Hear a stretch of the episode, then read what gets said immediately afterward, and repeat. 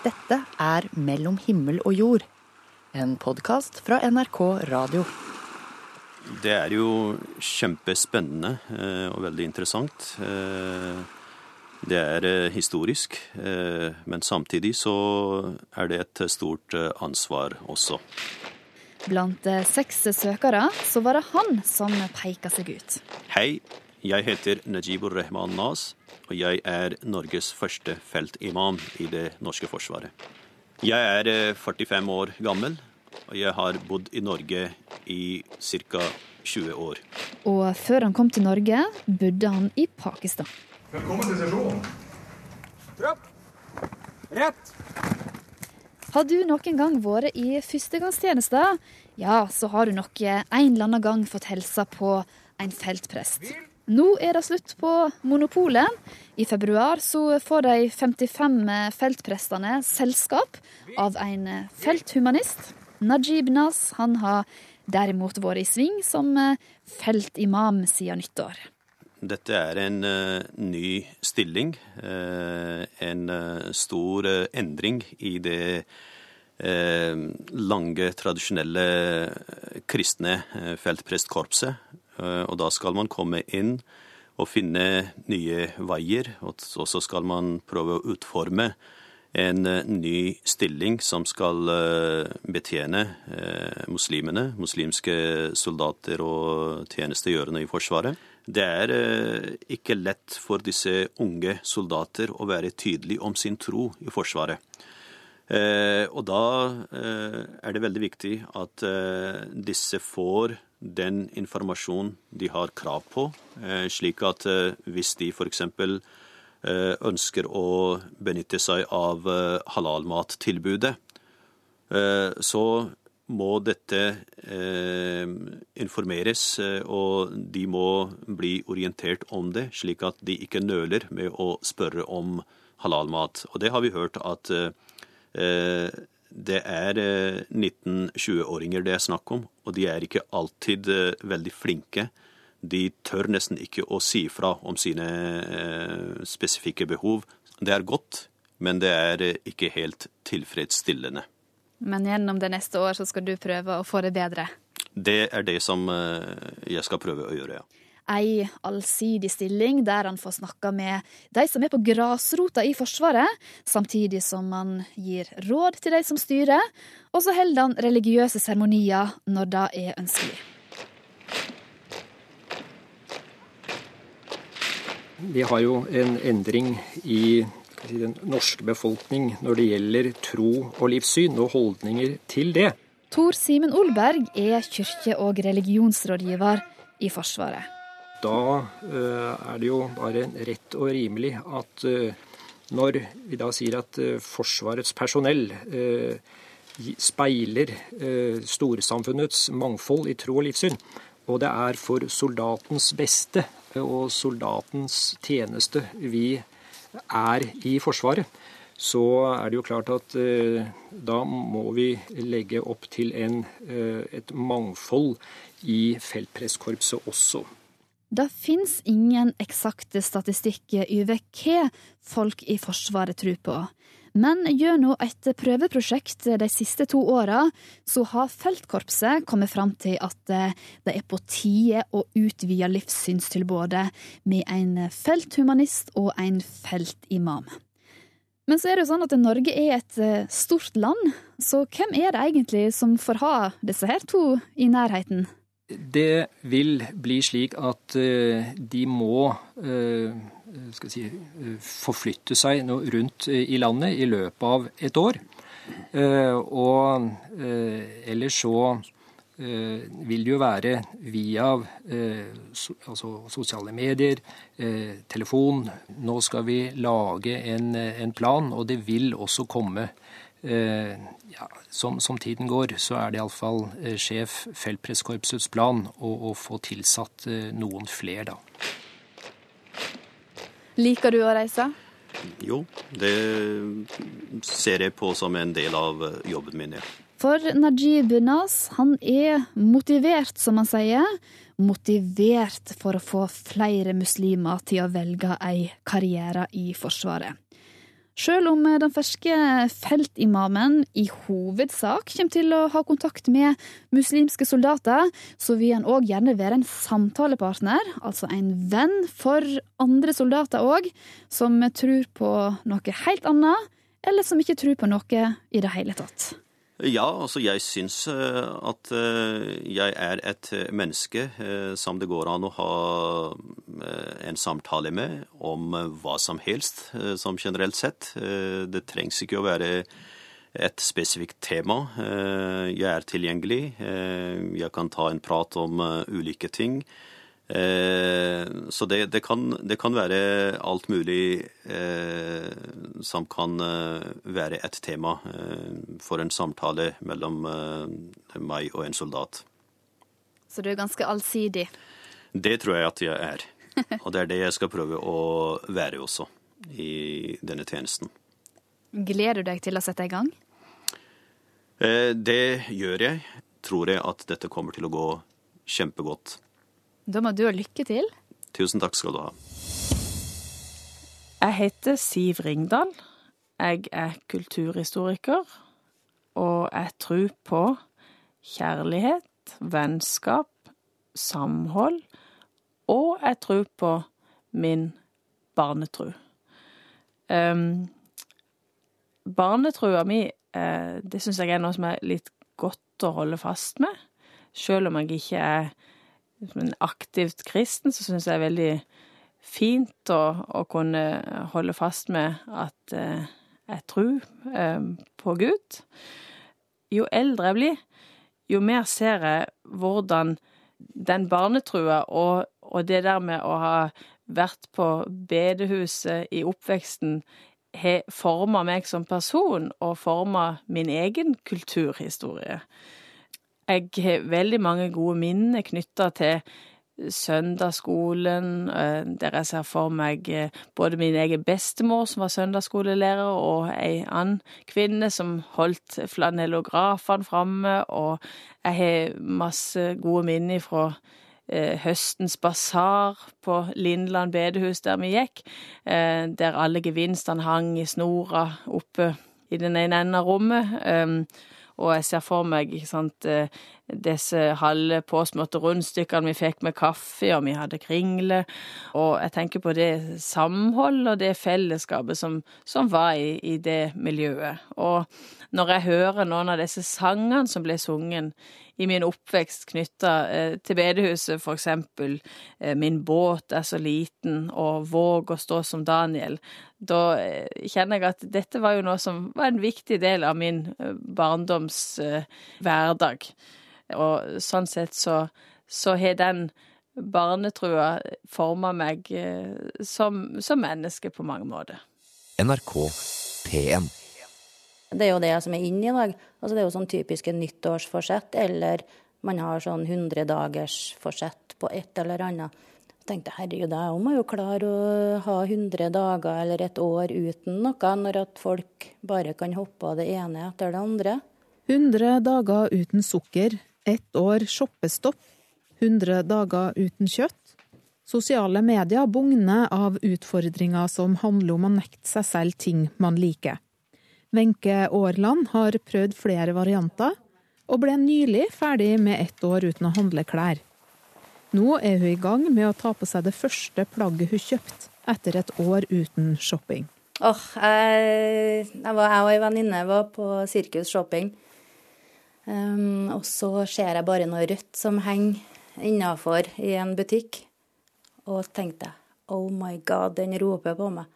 Jeg var overlykkelig når jeg så den, overlykkelig når jeg fikk den på meg, og overlykkelig når jeg ser den i gangen. Men hvorfor betyr en jakke så mye for deg, da? Jeg vet ikke, men herren her, altså, den er litt spesiell.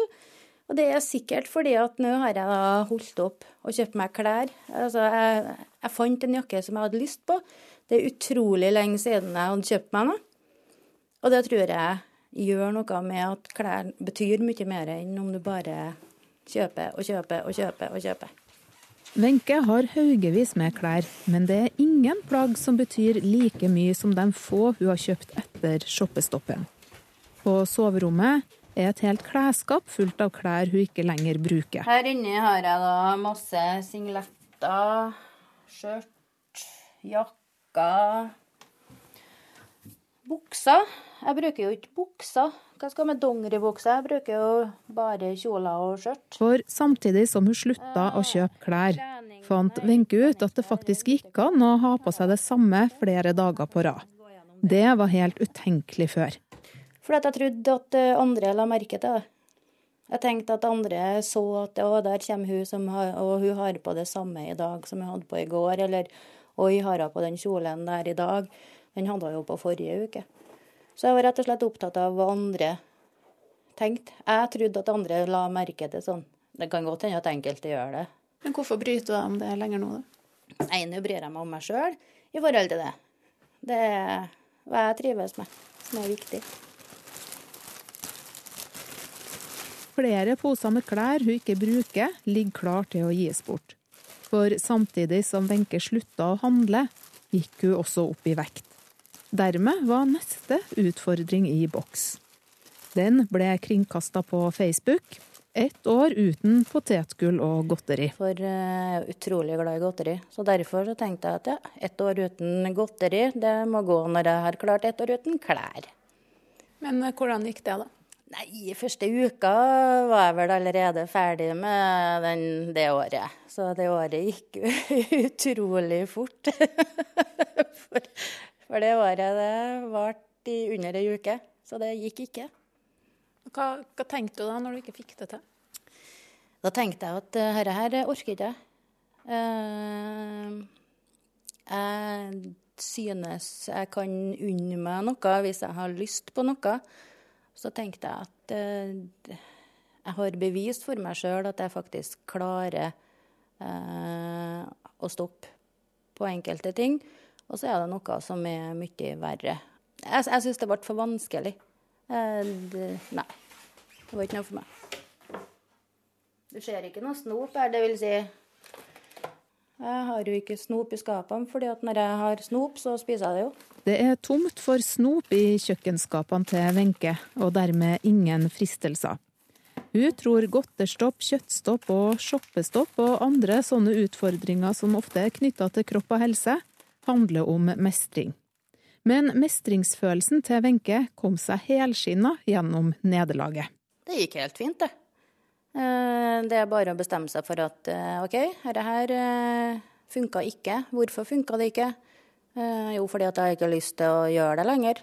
Jeg har testa om jeg klarte det, og det klarte jeg ikke. Jeg finner andre måter å få mestringsfølelsen på, og det er ting som trigger meg mye mer enn det å skulle klare å slutte å spise godteri et år, eller for bestandig. Hvor avhengig er du av den følelsen?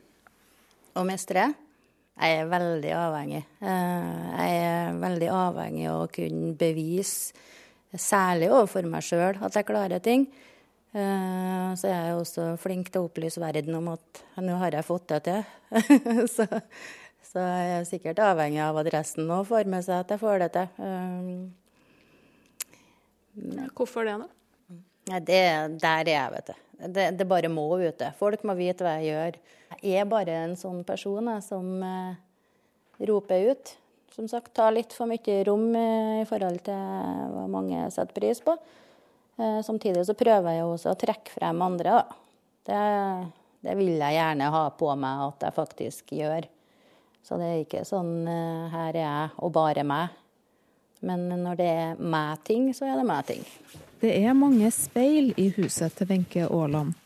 For hun er opptatt av hvordan hun ser ut, og det var også derfor hun ville ha slutt med snop.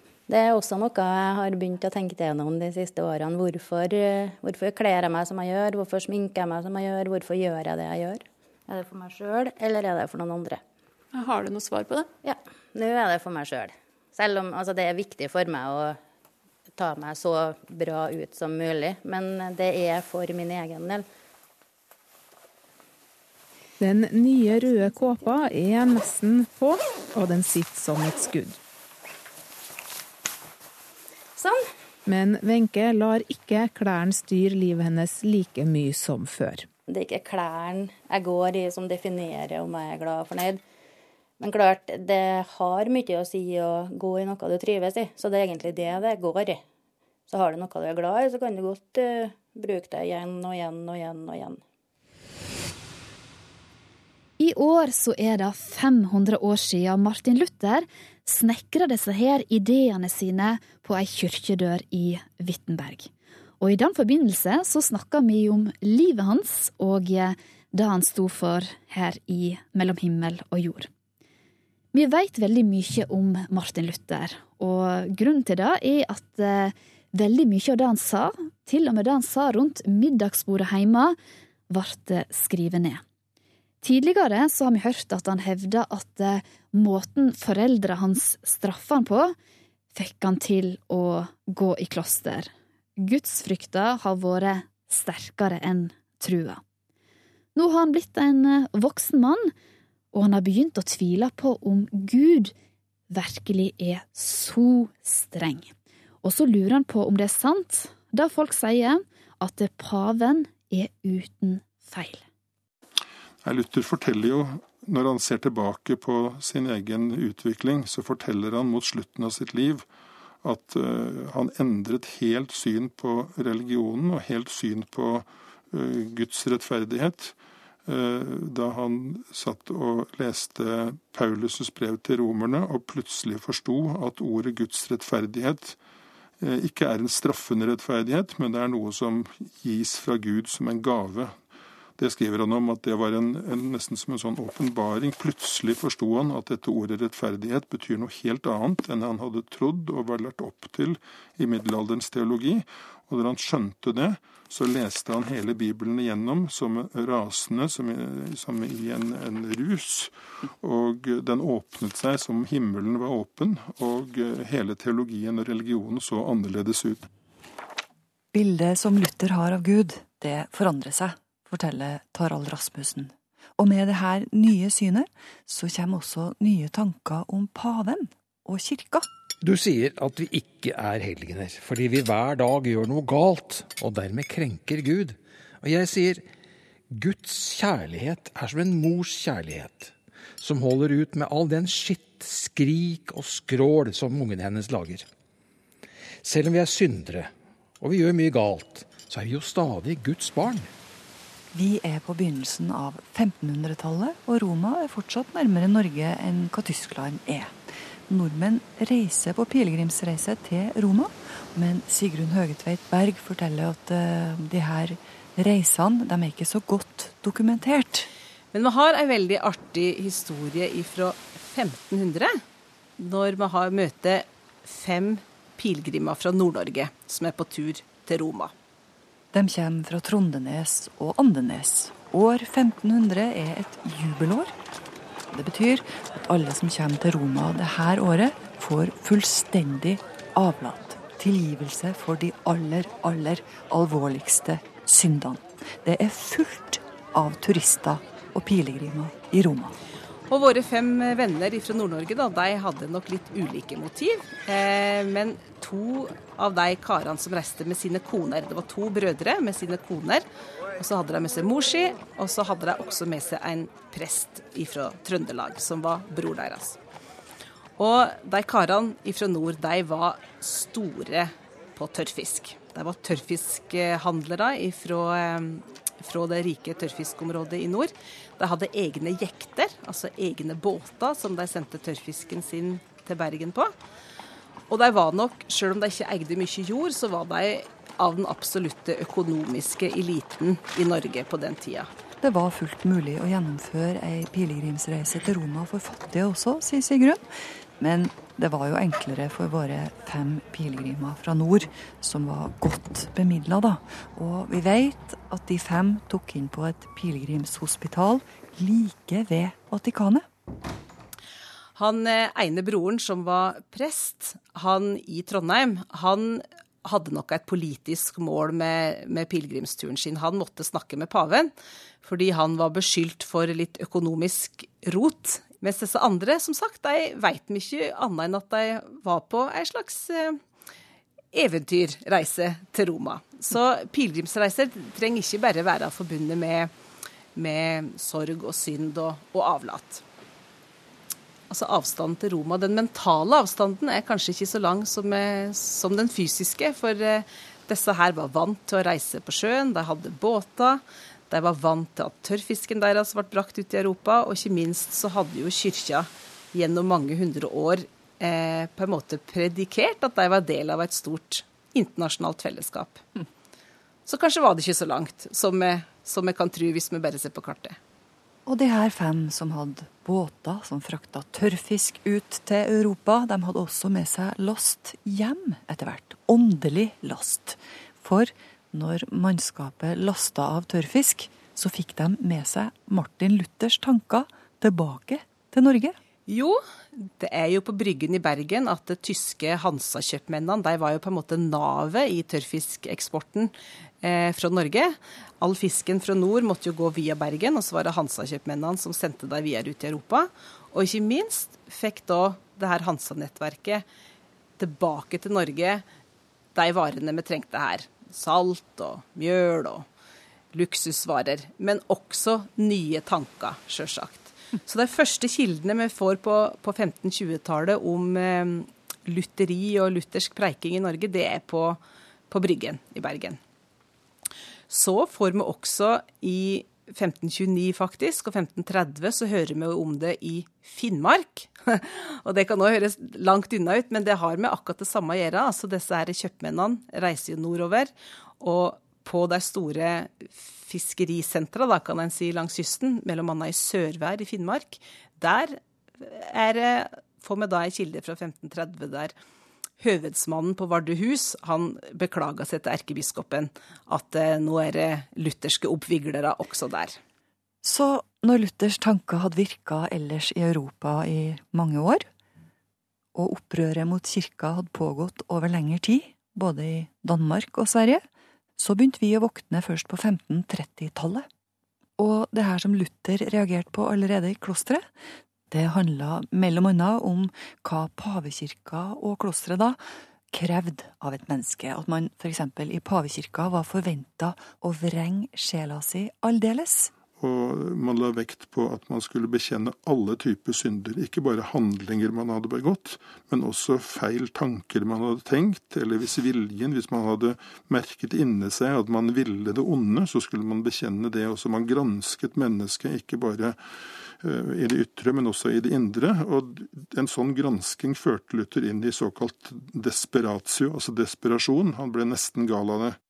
Og så var det det her med bot, altså å gjøre opp for seg. Da Jesus sa gjør bot, så mente han ikke at vi skulle betale penger til kirka, sier Luther. Nei, han mente at hele livet skulle være en botshandling, egentlig. Og presten? Presten trenger vi ikke. Og det er en tanke som Luther har fra mystisk tradisjon, og som er med på å løfte religionen over fra prestene til hvert enkelt menneske. Og sånn var det langt på vei også i den lutherske eh, kristendommen, at religionen er en sak mellom den enkelte og Gud, og presten er, spiller en underordnet rolle. Gud er ikke stengt ute fra noe sted og ikke bundet til noe sted. Han er overalt og ingen steder. Han er i enhver skapning. Og med dette nye synet på Gud, ikke en som straffer, men en som vokter det som er rettferdig, så begynner Martin Luther å bli temmelig sikker på at paven, ja, han kan ta feil. Og dette her med avlat, altså da å betale penger til pavekyrkja for å slette sine synder, da kan det umulig bringe deg nærmere himmelen. Neste søndag så skal vi være floga på veggen når Luther reiser seg mot paven. NRK P1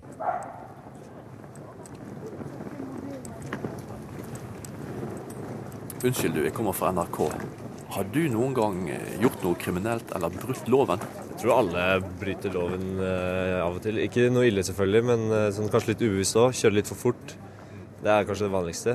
Det har jeg gjort, i hvert fall. Når du gjør, har gjort det, da, har du reflektert over at du, det er egentlig greit å gjøre det, men det er bare loven er litt feil eller streng, eller? Den loven der er jo for en grunn. Fordi det er det som er trygt. Men eh, jeg tenker, man tenker jo selvfølgelig at nei, fem kilometer over grensa, det, det går fint. Jeg har kontroll, liksom. Unnskyld, du. Har du noen gang gjort noe kriminelt eller, eller brutt loven? Det har jeg helt sikkert gjort. Uvitende, kanskje. Kjørt litt for fort, kanskje. Sånne ting. Men eh, ikke noe sånn, sånn stygge lovbrudd, nei. Det, er jeg nesten sikker på. Men når du har kjørt for fort, da, har du tenkt at det er egentlig greit, men det var bare litt sånn synd at det ble tatt? De gangene jeg har fått ei bot for det, har jo hendt. Så jeg tenker meg selv, det var idiotisk. Og det er også å legge igjen penger til statskassen. Så det Nei, jeg, jeg, jeg gjør ikke det mer. Du da, har du brutt loven? Laste ned ting på nettet f.eks. ulovlig. Det er jo en lovbrudd som mange begår, vil jeg tro. Og det gjør du også? Jeg har gjort det før, ja. Helt klart. Unnskyld, du. Eh, har du noen gang gjort noe kriminelt eller, eller brutt loven? Å stjele en sjokolade da jeg var liten. Jeg gikk inn på butikken, for da var det de kule gutter gjorde, og da ville jeg òg gjøre det. Jeg Tenkte du at den sjokoladen hadde du egentlig lov å ta? Nei, jeg visste at det var veldig dumt gjort. Husker du om den smakte godt? Den var veldig god. Den var god, den. Det var, var godt. Jeg var, så at det blinka i en sånn fotoboks, og så da hadde jeg ligget bak en bil som hadde kjørt i 80. Men så var det en 70-sone. Men jeg holdt på en måte samme fart som den foran meg, så jeg ble på en måte litt lura av det. da, Så jeg, jeg klaga faktisk på, på det. Fordi at den Det måtte jo være flere biler da som fikk Men det var det visst ikke, så det var litt merkelig. Men eh, jeg måtte jo bare godta det. da. Men eh, jeg syns ikke liksom at jeg var en lovbryter, da, i sånn veldig alvorlig forstand i hvert fall. Men jeg, jeg gikk, kjørte jo over fartsgrensa. Ja, de fleste av oss de har vel gjort noe en eller annen gang i livet som er på grensa av det som er lov. Stemmer ikke det, kollega Margrethe Nåvik? Det gjør jo det. Mm. Hva med deg, har du noe på ditt indre rulleblad? Jeg har nok gjort et og annet, jeg òg. Men jeg tenker nå litt på det jeg ikke har gjort. Ja? Mm, Hva, Jeg, hva kunne det være, da? jo, jeg vokste jo opp eh, i en veldig fin bygd på Vestlandet. Nærmeste nabo det var en eh, stor, eh, hva skal jeg si, stor mark full av epletre. Og der, vet du, det var jo en kjempepopulær plass for ungene i nabolaget. Eh, Folk de klatra over gjerdet, og så klatra de opp i trærne, og så åt de eplene. Mens jeg, vet du, jeg sto og så på. Så det angrer du litt på, faktisk? Ja, de så jo ganske gode ut, eplene. Ja, vi trenger jo sånne som deg, Camilla, som holder lovene og, og reglene. Men vi trenger også sånne som tøyer grensa, sier Trond Henriksen, som jeg har snakka med. Uh, vi må på en måte vurdere de ytre grensene, og så må vi holde det opp mot vår indre moral, da, sier han. Sjøl så dro han strikken for langt. Han er ikke noe stolt av det han har gjort. For hans kriminelle karriere den starta faktisk allerede da han var tolv år. Altså det første ordentlig sånn eh, kriminelle, det Mm. tror jeg var eh, den gangen jeg gikk inn på Sten og Strøm i Oslo og stjal en sykkel. Det var en Apache-sykkel, for de som husker eh, den modellen fra gamle dager av. Med, den var rød og med tre gir på, på ramma, da. Var det den som hadde sånn langt sete? Ja, det hadde den også. Helt riktig. Eh, Det var liksom to store sykler. Det var Apache og Tomahawk. Og jeg drømte om en sånn sykkel. Eh, Og når man ikke fikk en, så Eller vi hadde ikke råd til den, så blei det Altså Det er mange grunner til at det skjedde, men det var liksom det første sånn moralske, virkelig gale jeg gjorde. Men drev du og forsvarte dette her for deg sjøl, husker du det? Ja, det Ja, det er eh, Det er litt sånn flaut å snakke litt om eh, de tankegangene man hadde når man var ung, for de var ganske snevre, altså. Men det er jo så lenge siden. Ja, det, ja, det er litt sånn, litt sånn eh, vel Robin Hood, for å si det mildt. Og det var at der var det jo mange sykler fra før av, så da gjorde ikke det så veldig mye om at jeg tok en. Nei. Jeg tenker at det var den eh, enkle tankegangen jeg hadde den gangen. Ja, for at hjemme hos deg så var det ikke noe penger til å kjøpe en Apache-sykkel. Nei, det var ikke det. Så sånn sett så, så hadde jeg liksom ikke noe veldig, veldig dårlig moral mot å stjele fra de. Eh, Det var i hvert fall den følelsen jeg hadde den gangen. Tenker jo at jeg liksom holder med han der tolv år gamle Trond litt, altså. Jeg er liksom fattig fra østkanten av Oslo og sett Robin Hood eh, på Jarlens kino mange ganger. Blir litt prega, da. For så vidt litt uskyldig tanken, kanskje, men den, eh, men den er jo selvfølgelig ikke riktig. Men Trond Henriksen, du har jo gjort verre ting enn dette her. Ja. Det, det ble verre etter hvert. Det blei mye verre. Det blei fengsel, fengsel i ung alder, og, og det utarta seg til uh, både ja, bankran og kidnapping av politimann og ja. Men hadde du sånne tanker da òg, om at det var greit, det du gjorde? Uh, det, var, det med ranet, eksempel, var et veldig stort skritt å ta for meg. Mm. For det å stå foran et menneske med en pistol, det er veldig annerledes enn å stjerne en sykkel mm. i butikken. Så der tror jeg egentlig ikke visste så veldig godt hva jeg gikk til. Så jeg tror mitt forsvar til det ranet var å tenke at når jeg bruker leketøyspistoler, så kan jeg i hvert fall ikke skade noen. Men i ettertid så har det vist seg at eh, jeg har skada flere av de som eh, sto bak skranken der i dette postkontoret på 80-tallet.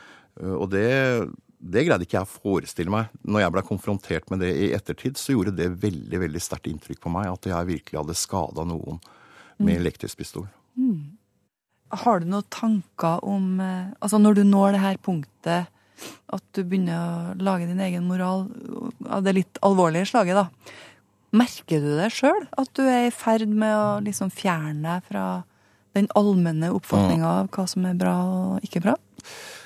Ja, når man, når man eh, planlegger ganske alvorlig kriminalitet, eh, så, så, blir det veldig store forskjeller. Eh, det er veldig stor, selv for kriminelle, å tråkke over den grensa til f.eks. ran, da. Eller drap, eller store saker, ikke sant. Mm. Og da skal man på mange måter si motivere seg for å, å, å komme inn og, å, tolerere det. da, Og da må man på mange måter ha en litt sånn forakt for samfunnet, tror jeg. For ja. å bryte de grensene der. For det uh, fordi vanlige folk gjør jo ikke det. Vanlige folk går jo ikke rane banker eller kidnapper politimenn. ikke sant? Du gjør jo bare ikke det. Mm. Så når du tråkker over den grensen, da har du også på mange måter uh, laget en forakt for det lovverket som er der ute. Og det kan fort gjøres f.eks. gjennom uh, bli utsatt for handlinger fra politiet. da, Et hat til politiet som da går utover videre til samfunnet. Så det er liksom sånn Du prøver hele, hele tida på en måte å unnskylde de handlingene du gjør, da. Gjennom ved å belemre andre, som regel.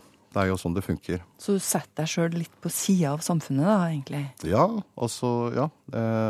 Du driter i loven, du driter i hele samfunnet, kort sagt. Og så så tar det litt, litt tid da, for å, å, komme ut av det, og ofte så trenger man hjelp til det.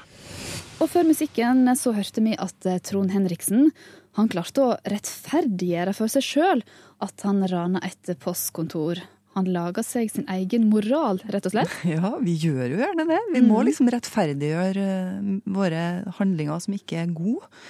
Um, jeg husker jo sjøl at jeg som fattig student stjal ølglass, f.eks., på Studentersamfunnet. Og kjørte altfor fort. Det skjer, alt det har jeg jo slutta med. da. Her kommer det fram. ja.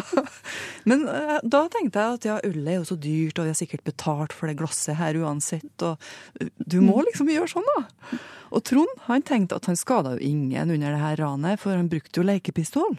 Men det han ikke visste, da, var at uh, han gjorde jo nettopp det. Mm -hmm. Hvordan uh, fikk han uh, vikla seg ut av denne her tankegangen, Margrethe? Jo, jeg spurte han om det. Og hun dama som han trua med denne lekepistolen, da, hun kom jo på besøk til Trond i fengselet. Så jeg lurte på, var det da, var det da hun kom, at han skjønte at han hadde gjort noe galt, og at han klarte å komme seg ut av det sporet her igjen?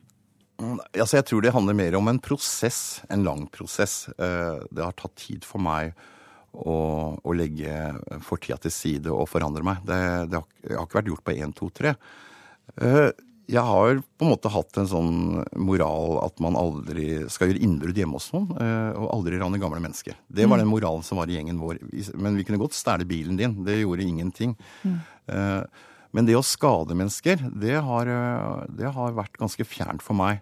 Det har vært ubehagelig, selv om jeg har slåss og har vært, jeg har vært gutt, jeg også. Eh, men det der, det der, å forstå handlingene mine, det, det, har vært et problem. Eh, jeg har på mange måter eh, skjøvet den der skyldspørsmålet vekk fra meg, meg selv. Det er lett å skylde på samfunnet av skylda ikke sant, og alt det der. Det er jo sånn man ofte unnskylder handlingene sine. Mm. Det tok litt tid for å, å, skjønne det. Ja, For du trodde ikke at det var noen som hadde vondt på grunn av det? Nei, nei altså ofte så, så tenkte jeg at jeg, det er jeg som har det vondt. Det er jeg som er, sitter i fengsel mm. og har det jævlig. Men altså, hun som du fortalte om før musikken her i stad, hun kom og besøkte deg i fengselet? Hun som du rana? Ja, det var, en, det var en veldig spesiell eh, hendelse. For det her skjedde to år etter at jeg var eh, dømt for det ranet. Og jeg fikk en eh, veldig lang dom for det ranet.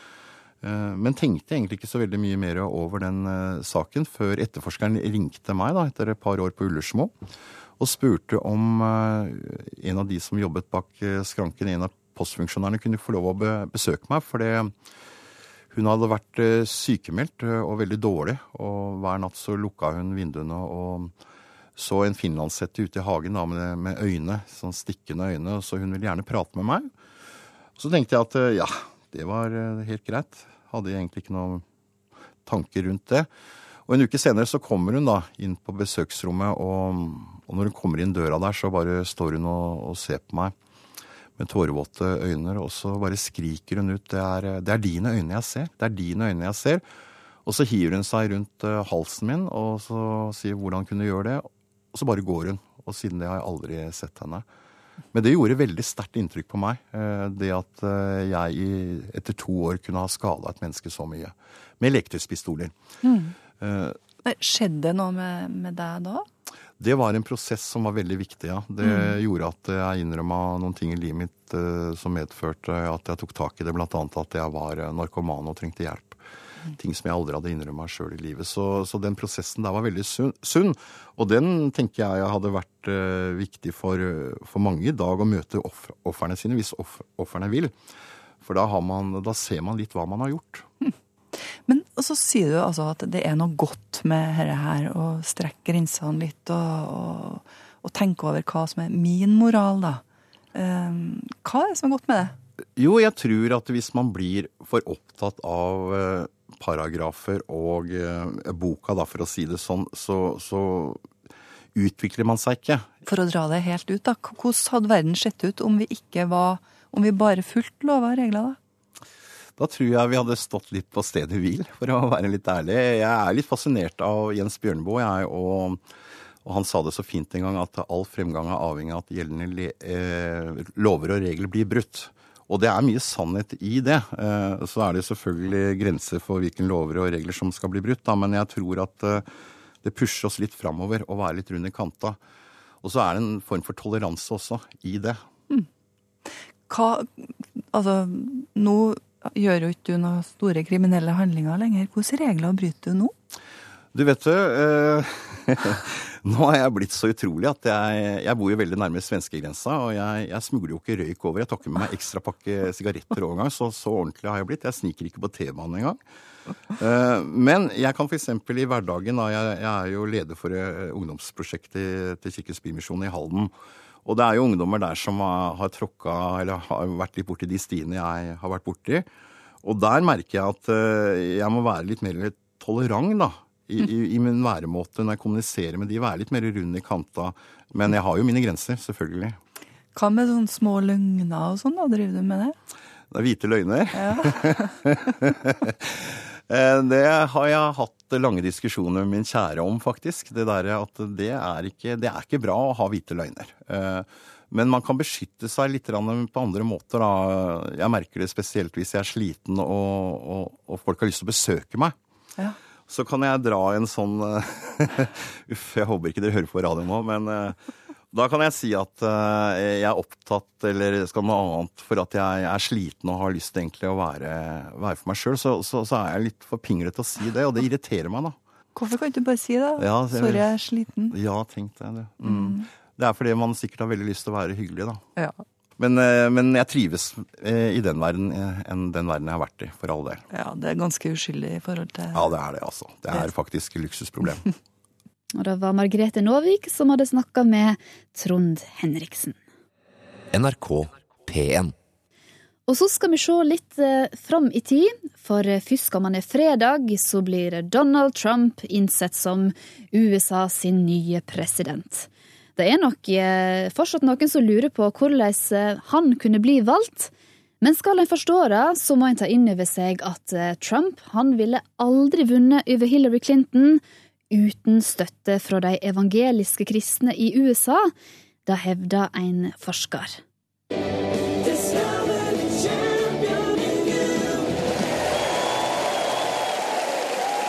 God bless you. It's a joy to come into your homes. We love you. Hold up your Bible. Say it like you mean it. This is my Bible. I am what it says I am. I have what it says I have. Mannen du hører her, er pastor Joel Osteen, grunnlegger og leder av den nykarismatiske, evangelikale Lakewood Church, den hurtigst voksende megakirken i USA.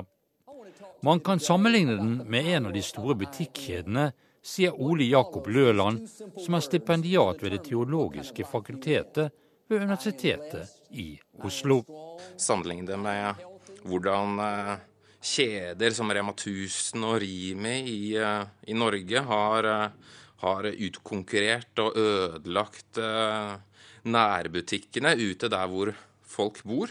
De er heller ikke fremmede for å vise fram suksessen sin. Og her kommer nok også noen av likhetene med skal vi si eh, eh Trump og, eh, og hans, eh, hans, politiske appell til syne. Altså eh, økonomisk og finansiell suksess, det er et eh, det er et, et, tegn på at du er velsignet, og det er derfor heller ikke noen spesiell grunn til å legge skjul på hvor godt du gjør det, hvor vellykket du, du er i businessen din. I've done great. I've made some of the great deals. I own some. I own some of the greatest properties in the world. Am I totally? do these I, I, can, deals? I think God helped me personally. I think God helped me. I think you know. Et overveldende stort flertall av evangelikale kristne i USA stemte på denne mannen, Donald Trump, ved presidentvalget, selv om han kanskje ikke kan regnes som et moralsk kristent forbilde. Det får en til å spørre om årsaken. Vi vet at 80% av denne eh, gruppen av evangelikale kristne i USA støttet Trump. Så er det klart at eh, det, å, eh, det å studere hvordan denne kristendommen nå utøves, hvilke verdier som forfektes, hva som er viktig for disse velgerne, eh, det kan være ganske sentralt for å forstå Donald Trumps suksess. Dette er en kristendom for, for, tilværelsen her og nå. Og Gud ønsker at du skal ha eh, økonomisk suksess, finansiell eh, lykke, innenfor rammene av det, av det, amerikanske samfunnet. Og du kan si at Dette kan jo høres veldig, som et veldig enkelt eh, budskap, men herlighetsteologien har en eh, stor utbredelse i, eh, i USA. Og de aller største av disse nye megakirkene de er herlighetsteologiske fundert. Bl.a. Eh, den nevnte Lakewood Church i eh, Houston i sørstatene. Men her ligger jo en, eh, en antagelse om at Gud ønsker ditt beste, ikke bare i åndelig forstand, men også i form av, av materiell lykke. Og i denne forkynnelsen i i herlighetsteologisk orienterte kirker, som Lakewood Church, så er det jo ingen bevissthet omkring årsakene til den sosiale nøden vi ser i dagens USA. Så det er ikke noe som helst tema i, uh, i forkynnelsen. Og, og, og, dermed så er det heller ingen skal vi si, sosial analyse bak årsakene til at uh, mennesker strever med å betale regningene sine, strever med å få nok penger til å sende barna sine på skolen osv. Det er tvert imot en, en ren forkynnelse om at Gud vil ditt beste. Gud vil at du skal ha penger i overflod. Gud vil at barna dine skal, skal gå på skole. Og endring er mulig. Tenk positivt, vær optimistisk, stol på Gud, og du vil klare dette her den grunnen som, eh, som var den mest utbredte eh, oppgitte motivasjon for å støtte Trump blant evangelikale kristne, det var rett og slett at han er ikke Hillary Clinton. Så motstanden mot Hillary Clinton var så stor at tilbøyeligheten til å stemme Trump også ble større blant de som i utgangspunktet ikke var entusiastiske for Trumps kandidatur. The greatest jobs producer that God ever created. And I mean that. I really, I'm going to work very hard on that.